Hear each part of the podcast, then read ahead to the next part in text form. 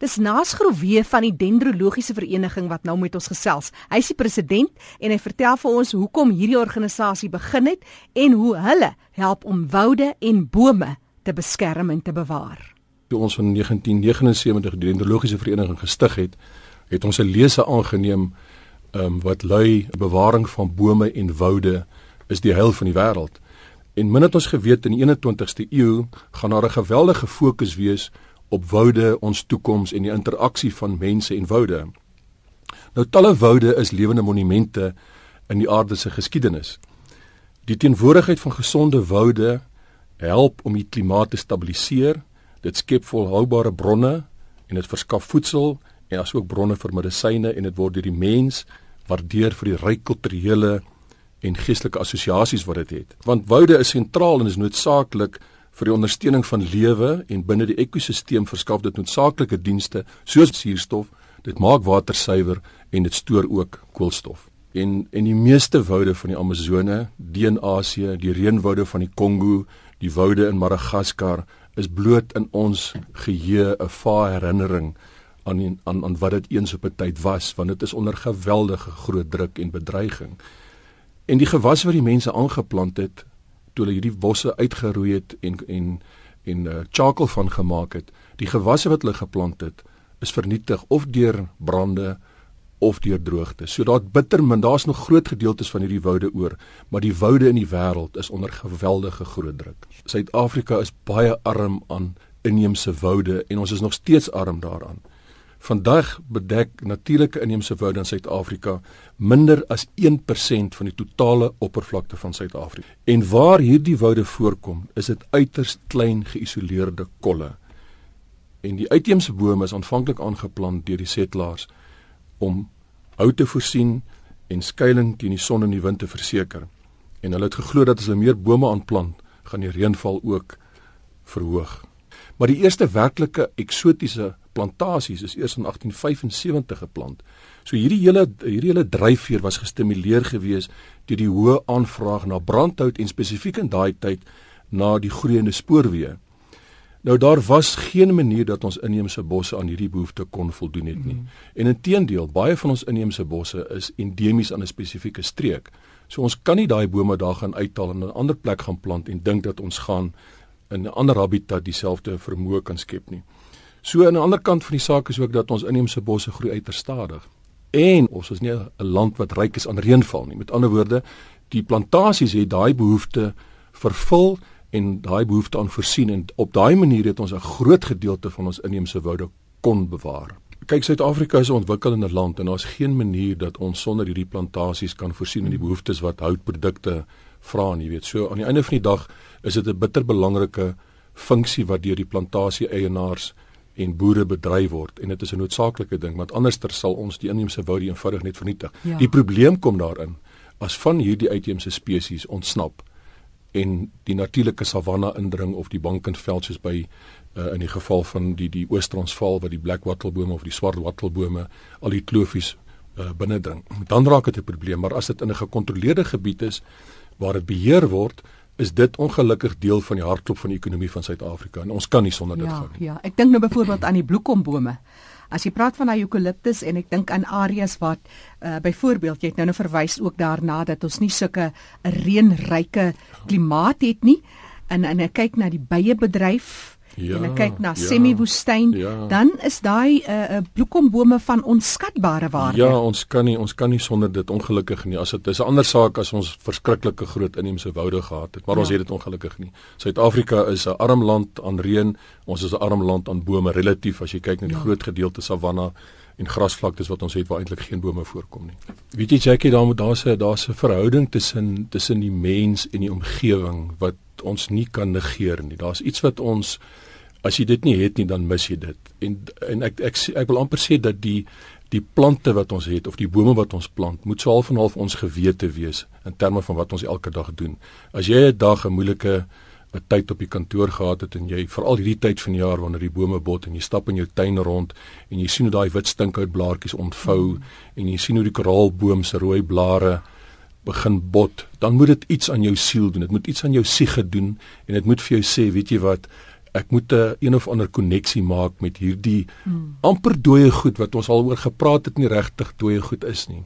Naas Groewe is die president van die Dendrologiese Vereniging van Suid-Afrika en hy het sy kennis met ons gedeel oor hout. En nou gesels ek met William Du Plessis wat nie net sy kennis nie, ook sy vaardighede met my gedeel het. Dit was op Genadendal so rukkie terug waar ons gekuier het.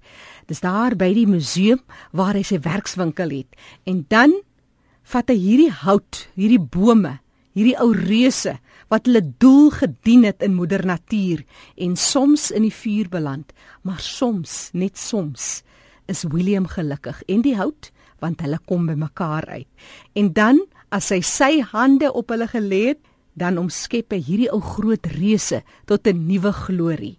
Maar vertel my 'n bietjie oor jou werk wat jy hier doen. Uh hierso is byvoorbeeld uh stompe wat hier lê en uh hierso staan op hierdie stomp byvoorbeeld 'n uh, kamfer. Vertel my oor jou liefde vir hout. Ja, Jackie, ek het 'n groot passie vir hout en basies die eienskappe van hout. En my opleiding het my geneem tot waar want selfs die mees eksotiese hout kon ek net aan die ryk aan die kleur en aan die bas en die blaar kon ek dit uitken. Jy praat so van van die reuk, die kleur, die bas. Kamferhout het ook 'n besondere reuk nie. Dis dis reg ja. En ook uh, medisinaal. Ehm uh, baie van die ou mense plaaslik, hulle sal kom na my en van die skaapsels gebruik en in 'n sakkie toe werk en onder hulle kopkussing sit en berg en dit sal die neus en nasale oopmaak. Ja, want mense kry mos hy kamfer blokkies ook, wat seker maar wat is altyd in 'n flennie 'n lappie ingewerk het vir die kinders. Dis reg ja. Mm -hmm. Hierdie boom spesifiek, hierdie mm boom was ehm um, het 'n gevaar ingehou vir die museumgebou en dit is afgesaag en ek was net betyds om hierdie boomkappers af uh, te stop en hulle sou dit uh, opgesny om 4 meter te maak. En as 'n mens dink wat ek daarmee kan doen en die waarde wat ek kan hê aan dit. En om te dink die bome is so baie oud om dit aan 'n ouma seentjie vier maak uit daarvan te maak. Wat is dit omtrent?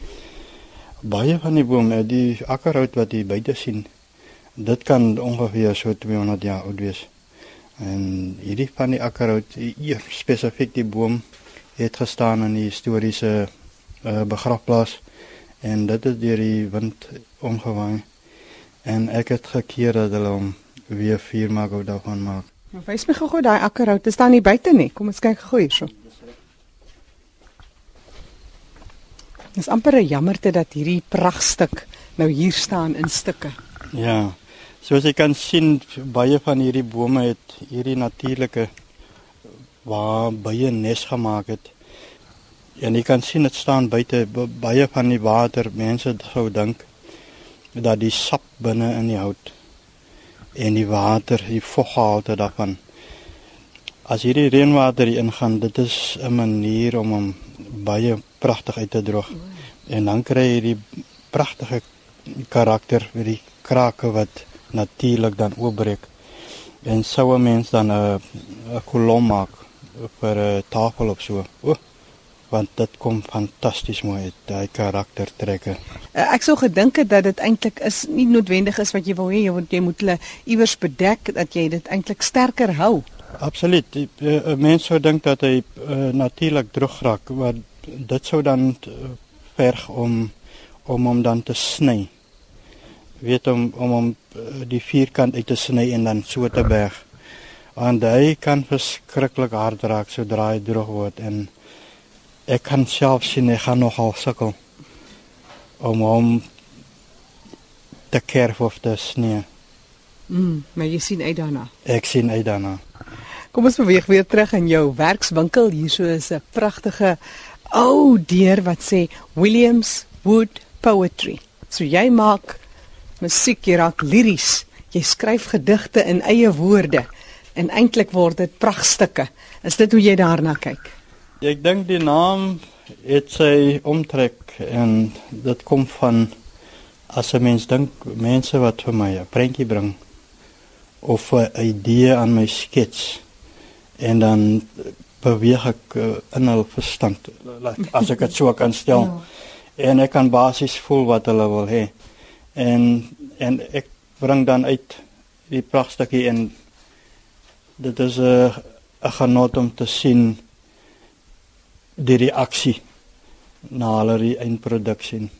Nou daan die ander kant het jy vir my vertel is 'n tafel en twee pragtige stoele en dit is met riempies wat die liglening nou gedoen moet word. Dis emboya lyk like dit my en jy sê dit lyk nou baie mooi, maar dis goed wat mense eintlik wou wegsmyt.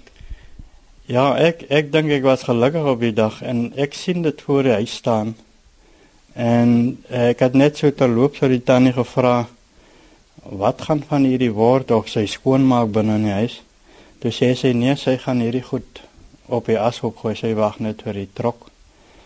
En ek het vir haar gevra, maar kan ek dit neem? Ek sal lyk sy moet dit sien as dit klaar is.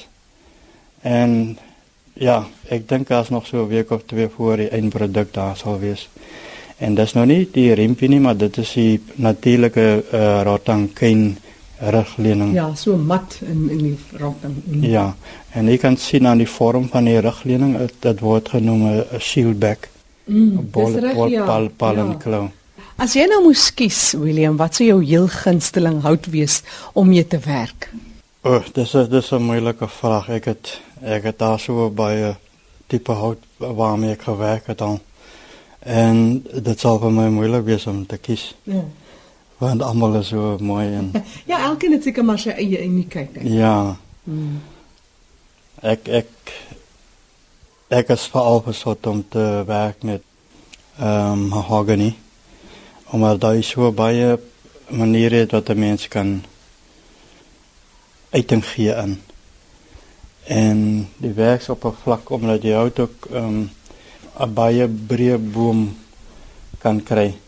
As jy kan sien dat daai desk wat ek gemaak het, dit dit het ek nog gedoen in my derde jaar as apprentice. En dit is 'n pragtige. Ek het sien ja. Kom ons stap gou nader want dit is baie besonder.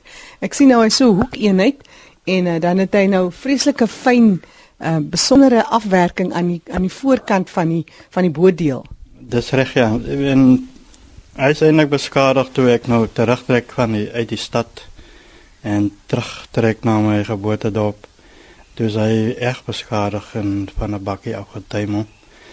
Maar ek dink hy het 'n plekkie gekry die hoërskool prinsipaal het verneem of ek dalk so iets kan maak en ek het hom gesê ek ek dink ek het iets waarvan hy sal hou.